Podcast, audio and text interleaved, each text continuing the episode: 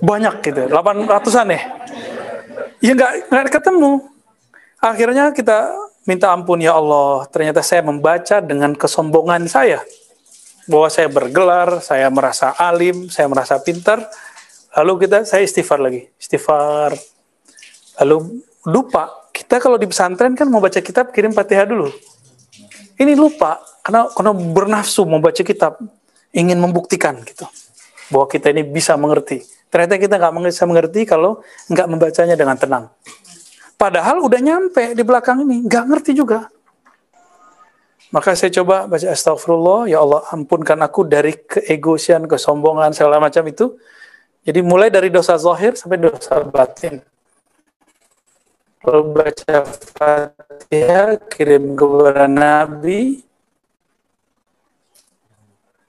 pengarang kitab, sama guru kita itu ya, di Jakarta ya. Yang lu mulai saya zikir sebentar kalau udah zikir kan ala bidzikrillah tatmainul kalau orang zikir hatinya tenang ambisi berkurang. Maka membacanya lebih tenang satu kalimat maknanya lebih luas. Kalau orang buru-buru kan enggak maka semua orang buru-buru pasti sama setan. Setan sifatnya kiber. Aba wastak bara. Maka jangan buru-buru memutuskan sesuatu mengatakan sesuatu menghukumi sesuatu Nah, beliau menulis kitab Adabil Muridin, kitab adab para murid. Eh, berarti itu kita, karena kita para murid. Benar nggak? Minal fuqara sadiqin. Oh, kena ada kita. Orang-orang yang fuqara, yang zuhud, sadiq, lahir batinnya sama. Antum waktu sujud tadi batinnya sujud nggak? Berarti belum sadiqin. ya. Saliki tariq sufiyah yang bersuluk menempuh jalan tariq sufi. Walaupun suluk kita udah udah udah nggak pakai berkhalwat ya. Antum berkhalwat ini kan di rumah kan? Suluk WFH. Eh, SFH, suluk from home. Lumayan. Dan banyak yang berhasil loh. Belum ini ada yang dari Sumatera Barat datang ke rumah, udah umur 60-an, khatam 70 ribu kali 7, la ilaha illallah mulai dari zikir Allah, Allah alhamdulillah kata alhamdulillah. Kalau nggak izin Allah nggak mungkin. Berarti Allah ingin memuliakannya. Alhamdulillah. Biasanya kalau berhasil tambah hina dirinya. Merasa hina. Bertambah syukur bahagia. Bukan merasa oh gue bisa. Enggak ya. Jadi orang tambah banyak zikir bukan tambah sombong. Itu udah kaidah enggak seperti yang dikhawatirkan oleh orang-orang yang yang terhijab. Yang mengkhawatirkan kalau kita tambah banyak zikir kita jadi surya nggak ada nggak ada rumusnya dalam zikir. Orang tambah zikir ya tambah tenang ya. Alladzina safau anil ahwa anil ahwiyatil mudillah.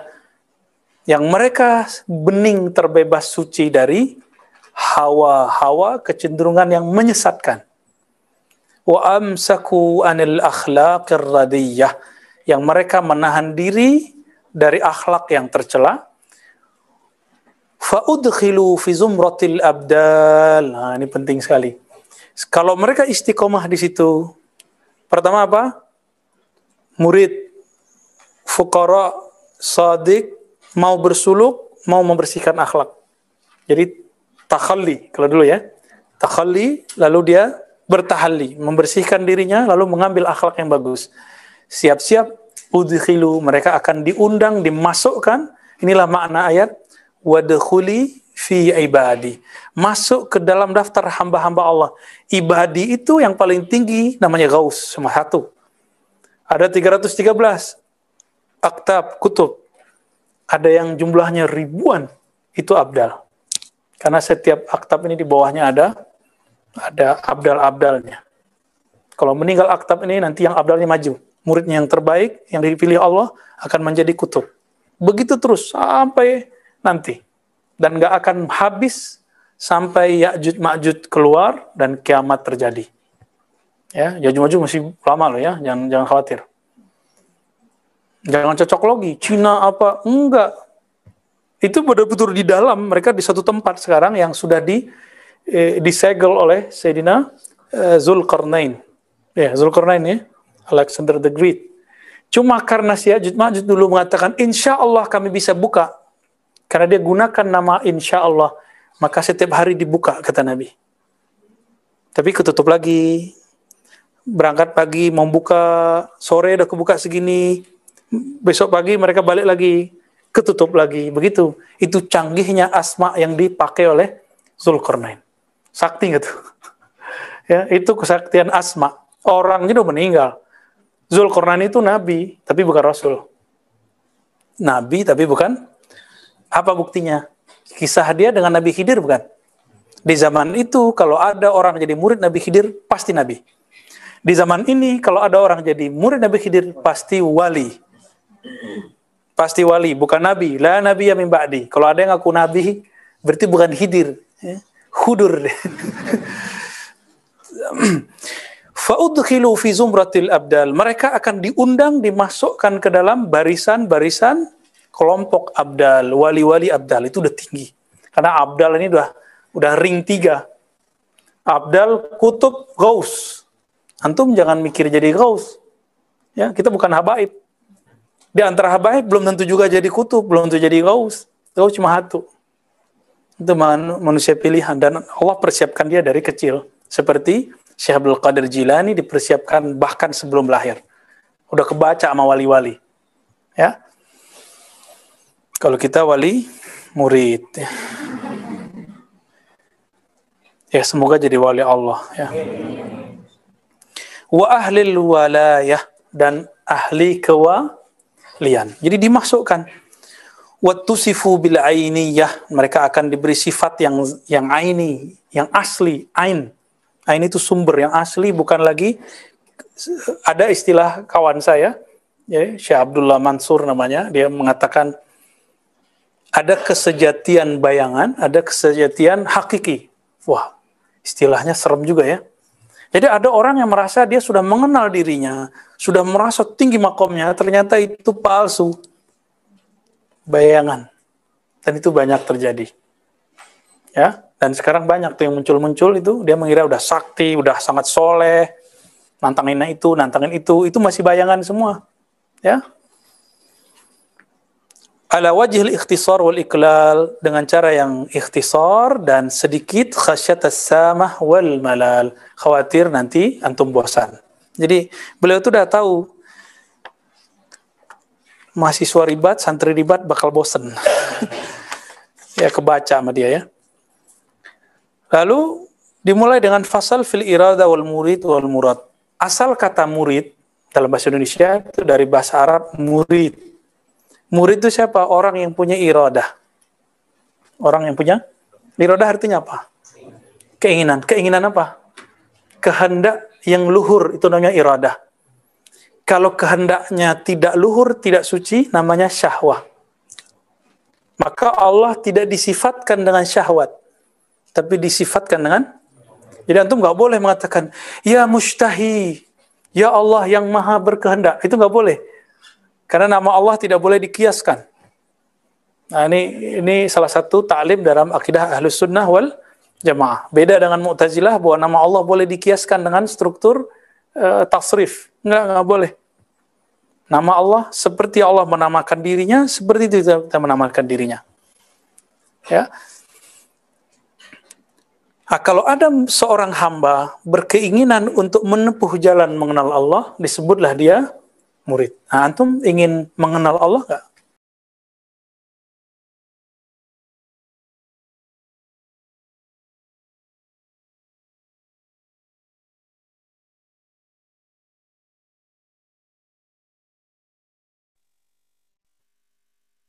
Tidak ada suara. Itu bukan murid. Ya. Lalu ada al-murad ada murid, ada murad. Ini kan panjang nih, mau diringkas mau dibacain. kita ambil beberapa lalu kita ringkas ya. Lalu kalau seorang murid sudah punya iradah, kehendak yang luhur, berarti kebalikannya apa? Dia meninggalkan kehendak yang yang rendah, luhur tinggi. Maka kata beliau al-iradah fatarku ma alaihi al-adah Orang yang sudah jadi murid berarti dia punya karakter iroda, maka dia meninggalkan kebiasaan. Kebiasaan orang kalau jam setengah empat, jam empat tidur apa bangun? Tidur. Nah, antum tinggalin itu. Terus bangun, tahajud, wirid. Gitu ya.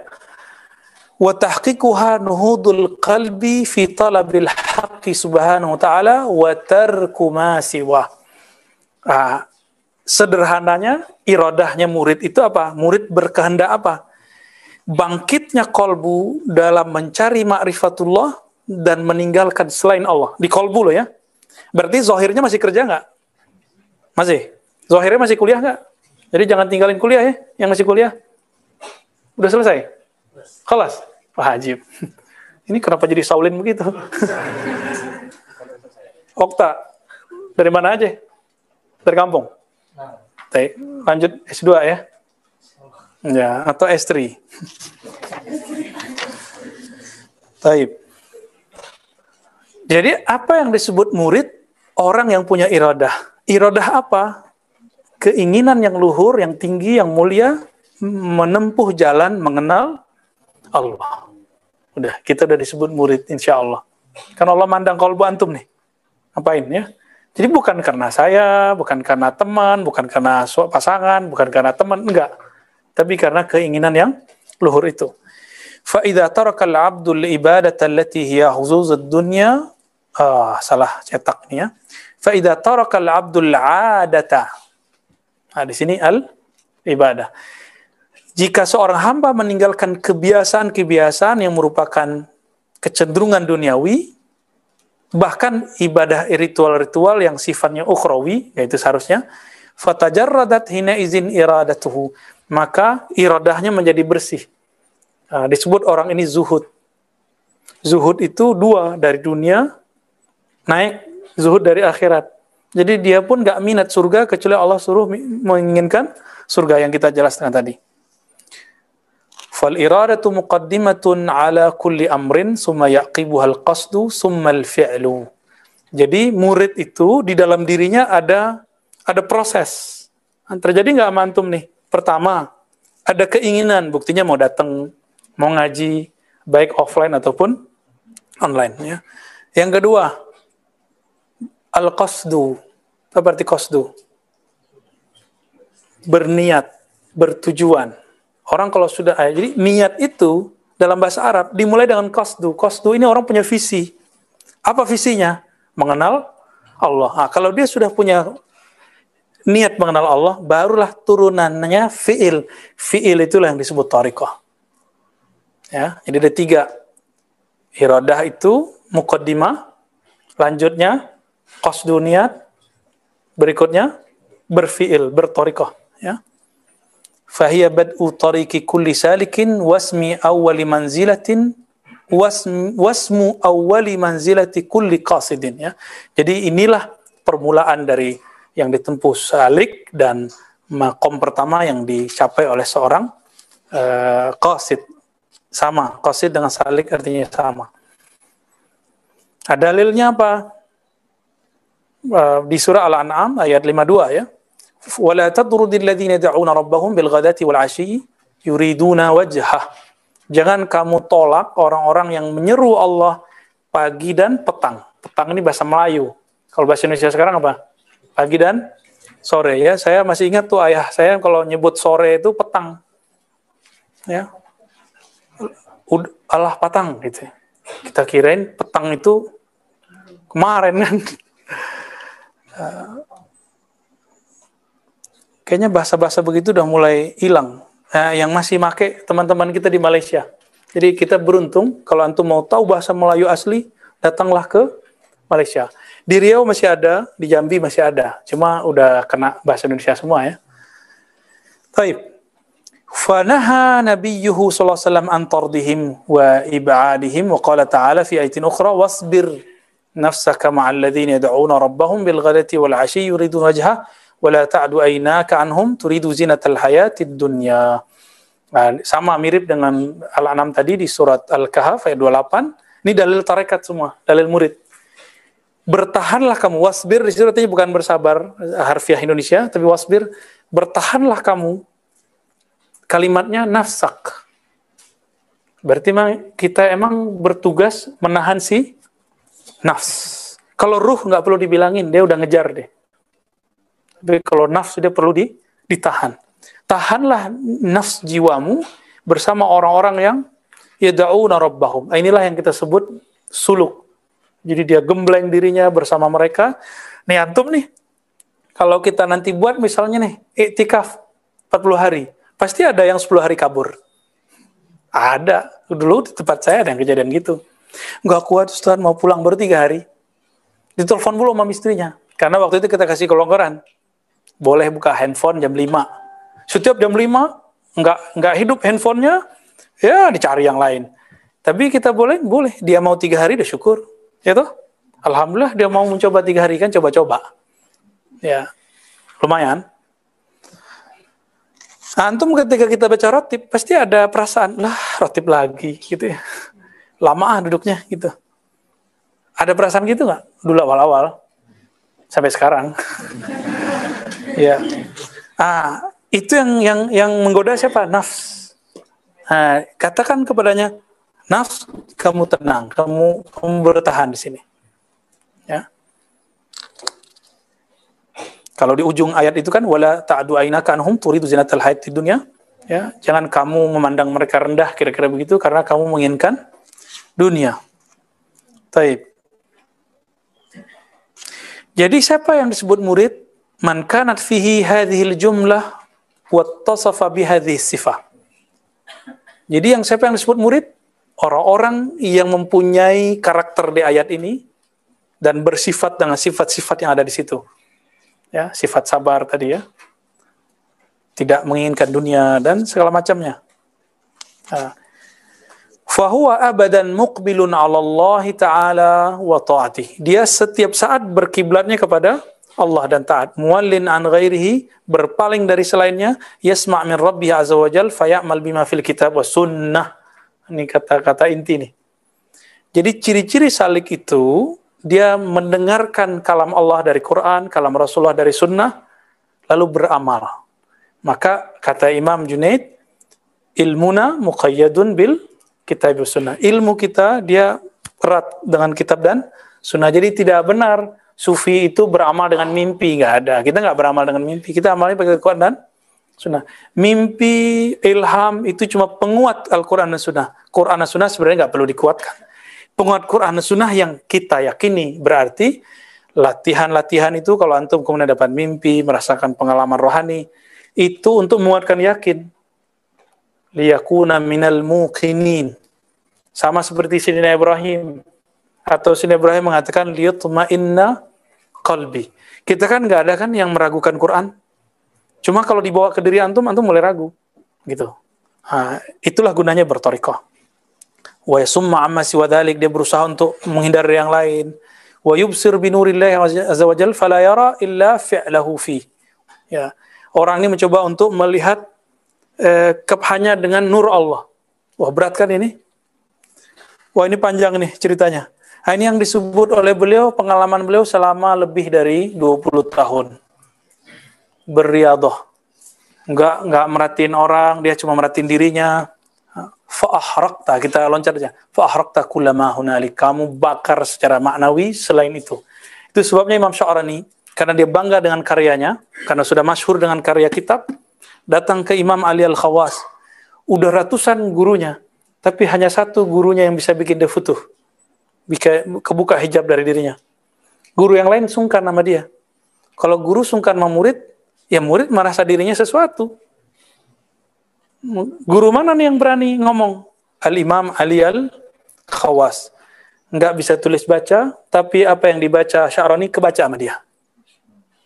Maka kata Imam Ali Al-Khawas, Ahrik jami'a kutubik au tasaddaq al fuqara. Au eh, bi'ha wa tasaddaq 'alal fuqara. Kamu bakar semua buku-bukumu yang kau banggakan itu atau jual hasilnya jual ke berikan ke fuqara.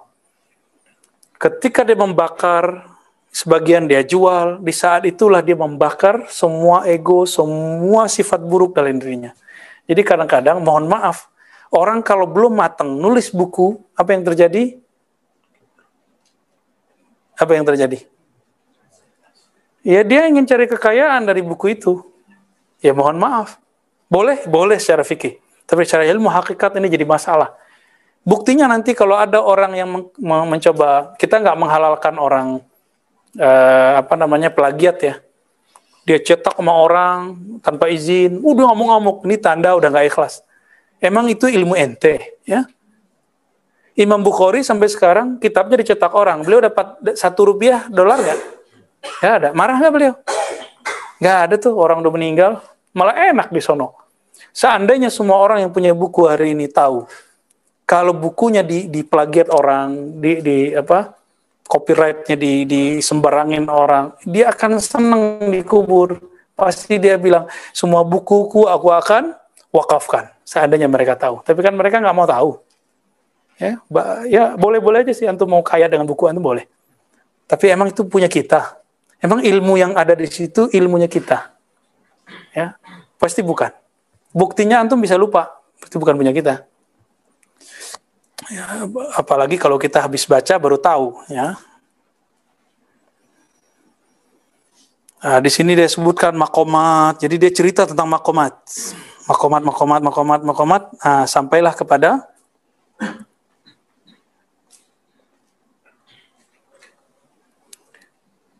yakhtar hamda ibadillah wa yatahabbab ila rabbih bi kasratin nawafil. Dia enggak enggak terobsesi lagi dengan like-like-nya orang ya.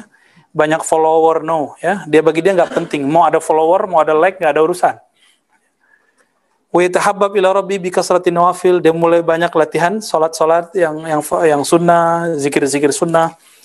Mukhlishan lillahi taala berusaha ikhlas hatta yasila ila Allah. Sampai wusul ke hadirat Allah. Wa yahsul fi zumrati ahbabillahi taala wa muradih. Lalu dia diundang, dimasukkan ke dalam golongan hamba-hamba yang dicintai Allah dan yang diinginkan Allah. Berarti pilihan toh. Berubahlah statusnya dari murid menjadi murad. Fahina idin yusamma muradan. Maka saat itu dia bernama murad, bukan murid lagi. Kalau murid dia yang mengejar, kalau murad Allah yang langsung kasih. Inilah awal laduni laduni yang dicari oleh para mursyid-mursyid torikot dari dulu, salah satunya adalah nama syafaat dari Rasulullah. Atau nama syafaat dari eh, Khalifatullah. Maka apa kata beliau? Fatahuttu anhu asqa asqala saliki tarikil akhirah. Apa indikatornya? Amal yang tadinya dipandang berat waktu bidayat, awal-awal terasa ringan. Ya, wa yughsalu bima'i rahmatillah wa ra'fati wa lutfi. Lalu dalam bahasa majazi bagi orang ahli syariat tapi hakiki bagi ahli hakikat dia dimandikan dengan air rahmatullah, air kasih sayang Allah. Berarti dia ber, bergelimang apa? Kasih sayang atau kebencian? Kasih sayang. Wa ra'fatihi wa lutfihi. Fayubna lahu baitun fi jiwarillah. Maka Allah bangunkan baginya manzilah, makom, istana di sisi Allah. Kalau dia naik, dia tinggal naik ke situ. Transit dia di situ. Wa tukhla anhu anwaul khila. Lalu di, dibuanglah darinya, ditanggalkan darinya jubah-jubah yang menghalangi dia dari Allah. Jubah merasa alim. Kalau habaib jubah merasa nasabnya nasab Nabi. Kalau dokter merasa dokter, magister, magister, S1, LC, segala macam merasa, merasa itu. Yang paling berat bukan itu, teman-teman merasa mursyid. Itu paling berat. Merasa bertorikot, merasa ahli torikot ini paling susah. Kalau sudah ditanggalkan itu, otomatis dia sampai kepada al-ma'rifatu billah wal unsubih. Dia akan mengenal Allah, lalu bermesraan dengan Allah. Itu uns. Uns, ya. Ada sahabat Nabi, Abdullah bin Unais, ya. Uh, Anis, Anis, uns artinya kemesraan bersama Allah. Wasukun wattuma'ninah ilaih. Ada rasa damai bersama Allah. Ya lagunya siapa? Lagunya Krisye ya. Itu saya kalau dengar saya bisa nangis tuh. Kayaknya yang yang nulis, yang buat syairnya dengan kolbu kayaknya ya. Siapa yang buat ini? Bukan dia. Taufik Ismail ya. Semoga Allah masih hidup. Semoga Allah jaga beliau ya. Itu aset bangsa kita nggak tahu umur beliau nih. Ah, beliau kebanggaan sastra, bapak sastra kita sekarang. Kayaknya kolbunya bening sekali ya. Oh iya, dia kan keturunan ulama juga. Pekalongan tapi orang Sumatera. Ya, ya.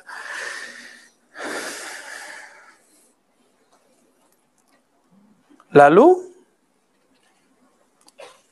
wayantik. Nah, kalau udah begitu baru orang bisa berkalam dengan hikmah.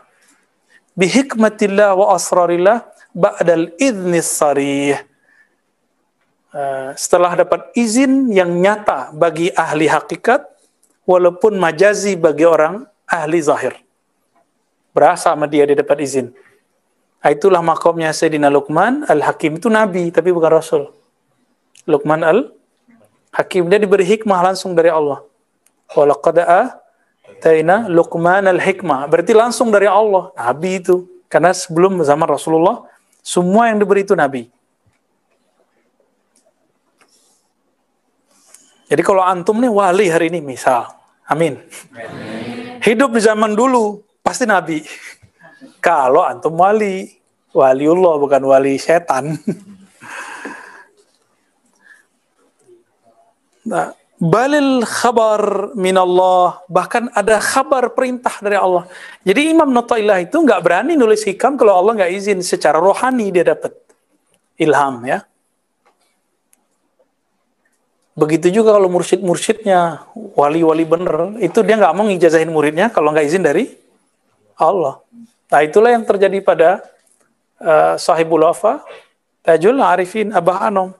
Ya beliau barangkali nggak melihat di kalangan muridnya yang yang menet, yang menerima tetesan kewalian itu. Barangkali wallahu alam ya. Bisa jadi ada setelahnya kita nggak tahu.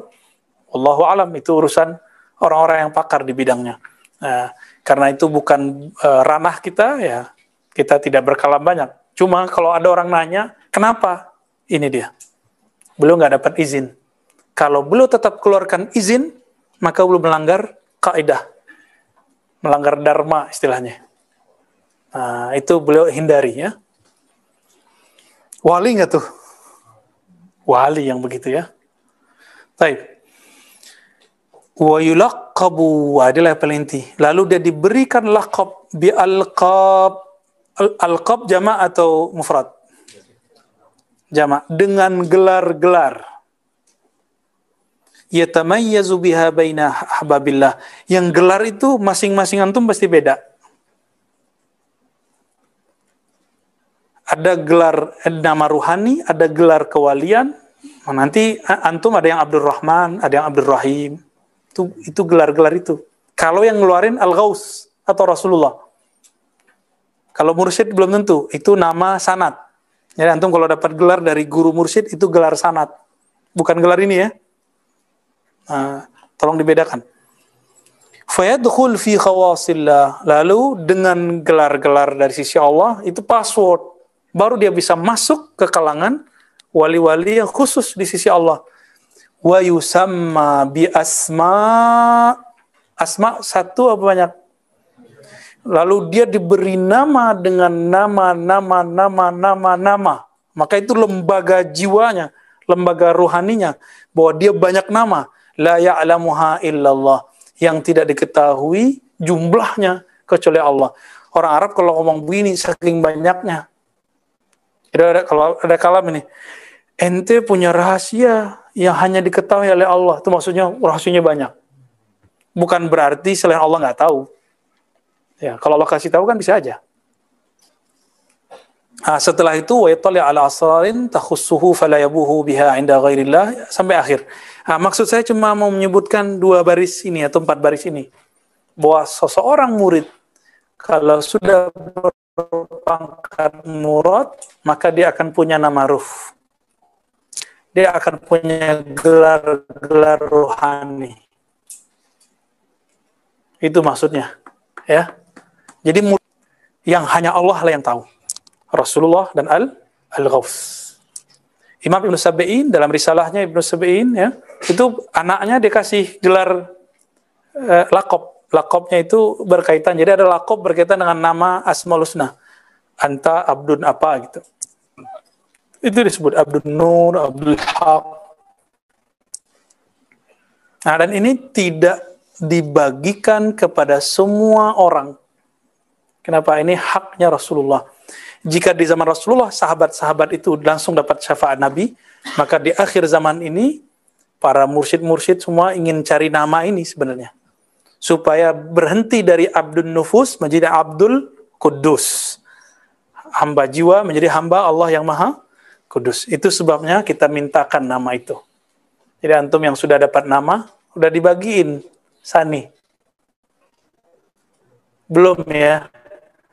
Uh, nanti urusannya masih di Musa ya. Ya, yang belum uh, nantilah itu gelombang satu lah ya. Dan itu yang mengeluarkan bukan saya loh, itu bukan hak saya. Ya, itu hak orang yang hanya yang yang kita sebut al-ghaus. Jadi kalau orang nanya benar gak nih? Nah, nah maka nanti antum kalau ada nanti di akhir zaman atau sekarang ini orang ngaku-ngaku wali, tinggal tanya aja nama ruhnya siapa? Ya, nama nama ruhaninya siapa? Ya. Kalau dia namanya nama-nama Melayu, Betawi, Sunda, Jawa, ah, itu nggak masuk tuh ya. Nggak masuk gitu. Tun, bayangan semua, nggak ada yang asli. Ya? namanya Arab walaupun tidak sesuai dengan kaidah bahasa Arab tapi dia nama itu itu terserah kan kalau nama kan nggak mesti ikutin kaidah boleh-boleh aja toh Taib.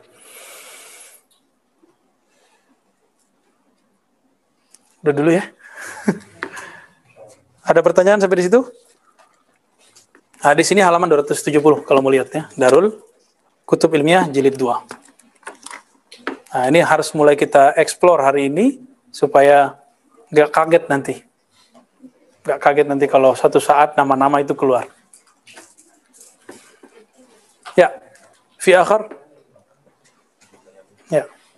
Terkait beberapa informasi kemarin itu kan ada wali yang dia bisa diikat ya.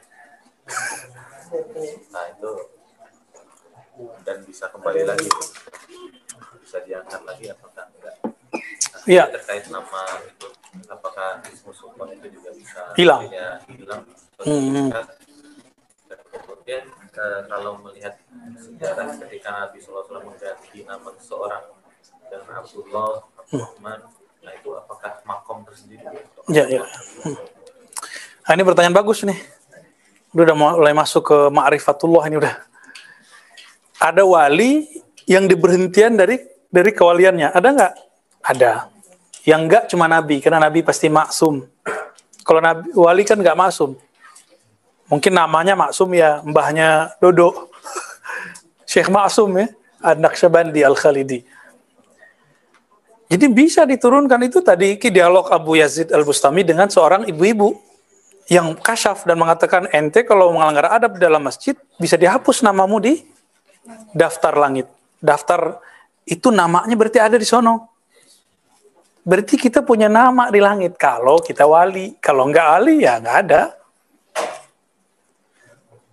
Nah, Sidi Ahmad Tijani mengatakan, ya kalau ada orang, ada orang nih, bahkan anak yang dianggap anak hina, tidak punya bapak, bisa nggak jadi wali? Kalau ketemu Al Ghaus bisa, tapi kalau ketemu kita belum tentu bisa. ya, jadi kalau ketemu dengan Al-Ghaus bisa dibersihkan oleh beliau kan anak anak yang yang antum sebut anak luar nikah itu dia nggak salah dia kan? Salah bapaknya, omaknya. Jadi kita nggak boleh menghina mereka. Jadi, siapa tahu dia lebih lebih tajam kolbunya dari kita bisa jadi ya. Terus mungkin nggak dia kembali? Mungkin.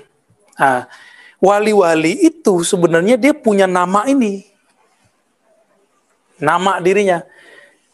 Saya udah sering mengatakan teman-teman, antum sekarang namanya ini siapa yang ngasih? Bapak. Kalau masuk kubur berlaku nggak namanya? Ada nggak yang punya anak atau saudaranya, tetangganya udah berapa hari belum dikasih nama? Ada kan? Artinya nama itu tidak kekal. Kenapa? Nama KTP, nama kakak bisa dirubah-rubah. Iya kan? Itu nama jasad yang ngasih bapak kita jasad atau kiai siapa gitu. Kalau dikasih kiai berarti dapat syafaat kiai ntar. Tapi syafaat kiai kan panjang birokrasinya dari gurunya, dari gurunya, gurunya gitu ya. Antum masuk ke komunitas tarekat nih dikasih nama. Ah, nama itu kalau berdasarkan sanat torikot ya lewatin torikot dulu. Eh, panjang. Tapi kalau al langsung ke Nabi. Kalau walinya al ya semoga Semoga antum masuk, kita masuk semua, amin. Nah, nama ini itu kalau boleh disebut nama meminta supaya nama kita nanti masuk daftar orang yang Nabi beri syafaat di padang mahsyar. Itu hakikatnya sebenarnya. Kan di, di padang mahsyar itu dikatakan Nabi Muhammad mencari umatnya. Sedangkan umat-umat itu mencari Nabi Adam, Nabi siapa lagi? Dan semua nabi itu mengatakan kami nggak punya hak syafaat. Siapa yang punya hak syafaat? Itu yang disebut al-fatih lima ughliq. Pembuka dari semua yang ditutup. Apa yang ditutup? Hak memberi syafaat. Dan hak memberi syafaat itu hanya ada pada nabi dan al-ghaus fi akhir zaman. Ya Imam Mahdi lah. Zaman kita ini Imam Mahdi. Ya semoga kita ketemu nanti. Ya. Ya, al-ghaus, al-ghaus, al-ghaus. Ya biasanya setiap ghaus itu punya kuota dia. Syekh Abdul Qadir, Ibn Arabi kalau di kitab uh, disebutkan kuotanya seribu orang. Berarti dia boleh ngasih nama muridnya seribu gitu. Lewat dari itu nama nama berkah. Yang seribu itu asli itu. Asli begitu. Nah, nama ini ada yang disebut nama makom kewalian. Dan makom kewalian itu namanya selalu pakai Asmaul Husna. Jadi di dalam ah, Ismu Sultan itu ada titik-titik nama ada nur-nur, ada namanya nur walayah. Nama kewalian dia di bawah asma yang mana? Kalau orangnya dapat pancaran Rahman, nanti namanya adalah Abdur Rahman. Dia orang suka tobat, Abdul Tawwab. Orang suka ilmu, Abdul Alim. Orang yang kuat hikmahnya, Abdul Hakim. Itu begitu, dan itu gak dibuat-buat. Gak bisa dibuat-buat. Emang udah dari sononya, jatah rohani itu. Ya. Nah, ilmu ini yang dicari-cari orang. Ya, minimal kita udah dapat guidance-nya lah ya, bahwa ada loh di kitab. Jadi kalau ada orang nanya, kita punya punya jawabannya. Kismul al-Kismul Khamis dari kitab Al-Ghunyah. Ya. Udah. Masih. Yang tadi Abdullah Abdurrahman itu. Ya itu Abdullah Abdurrahman itu nama walayah, nama kewalian. Jadi kalau Nabi mengatakan Ahabul asma ilallah Abdurrahman, itu nama kewalian, nama rohani orang. Tapi Nabi sendiri punya anak gak dikasih nama Abdurrahman tuh? Kok dikasih namanya Ibrahim? Kok dikasih namanya? Siapa? Qasim. Kenapa nggak dikasih Abdu, Abdu, Abdu? Berarti Nabi paham sekali karena memang ilmunya ilmu beliau. Ini Qasim, ini Ibrahim, ini Zainab, ini Fatimah. Di dalam dirinya ada nur-nur. Salah satu nurnya ada abad apa? Abdurrahman kah? Ya, waktu Ibrahim wafat, Nabi nangis gak?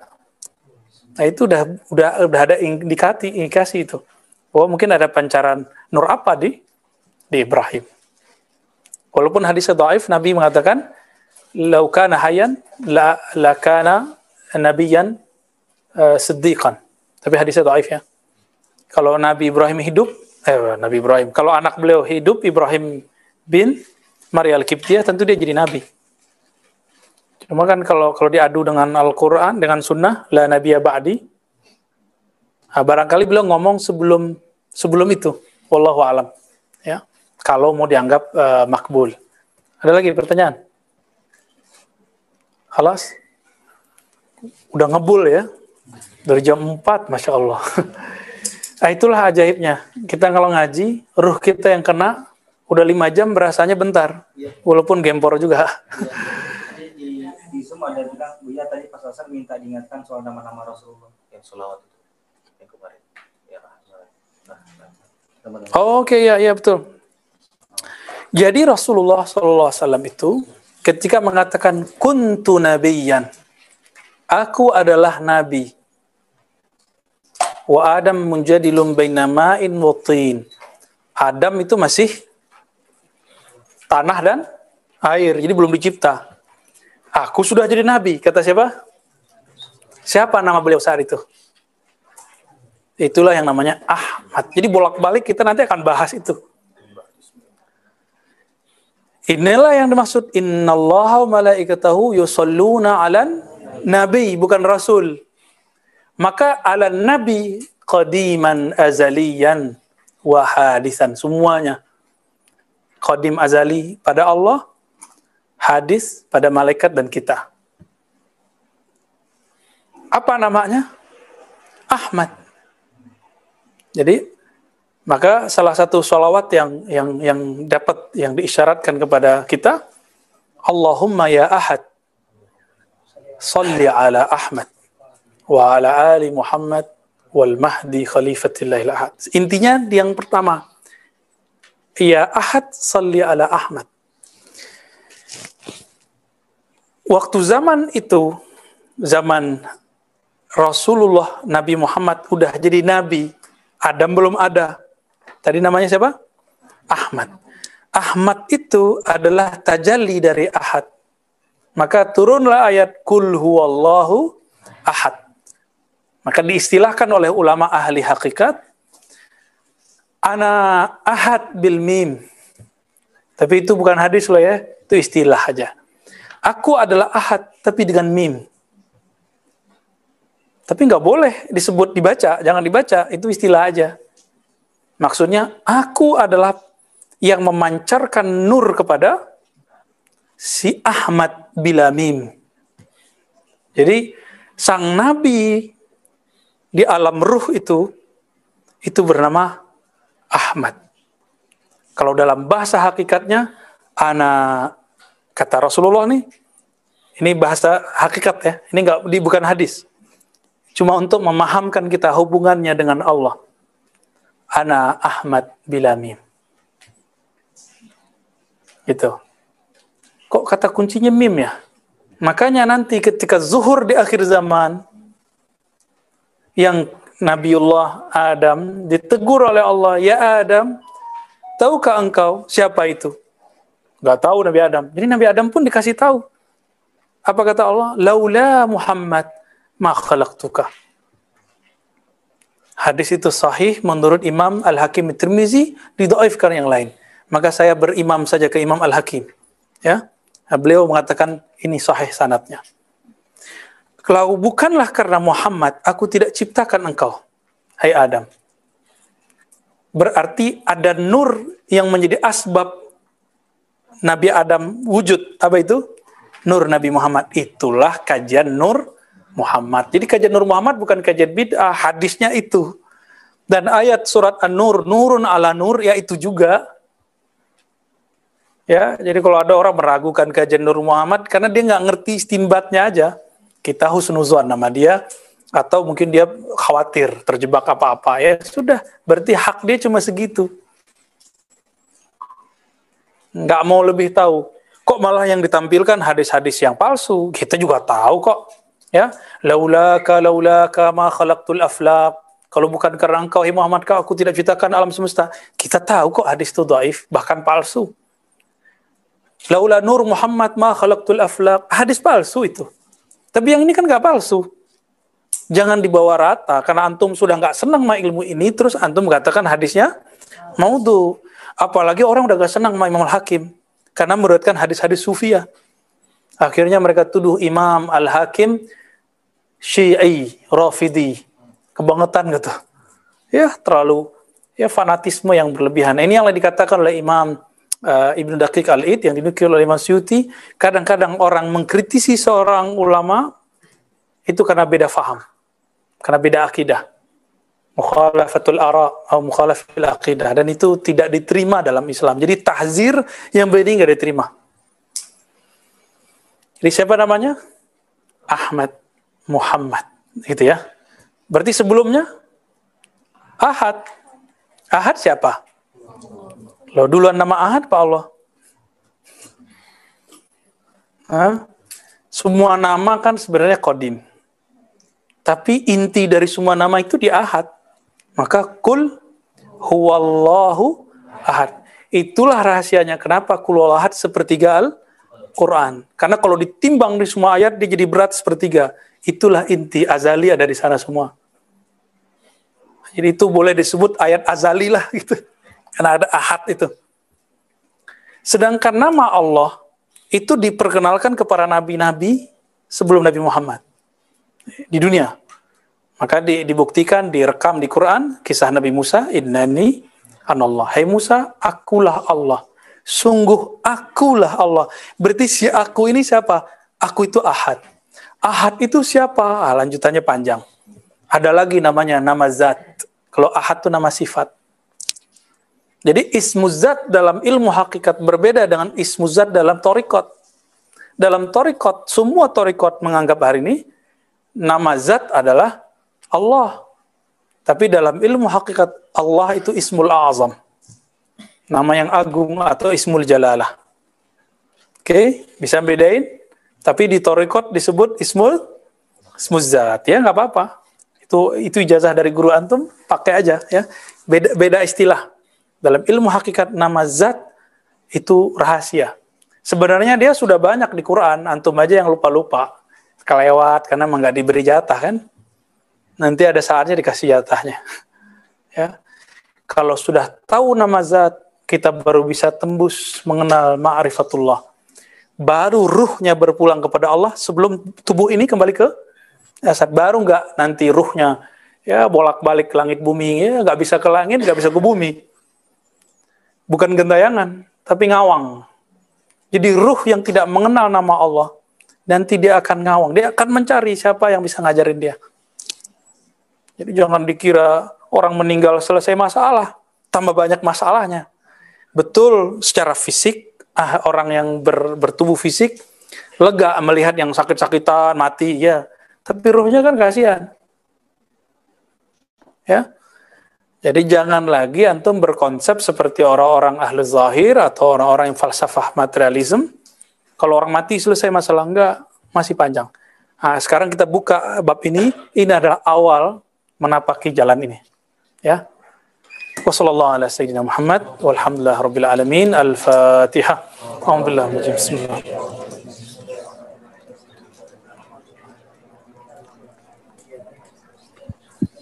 Wassalamualaikum warahmatullahi wabarakatuh.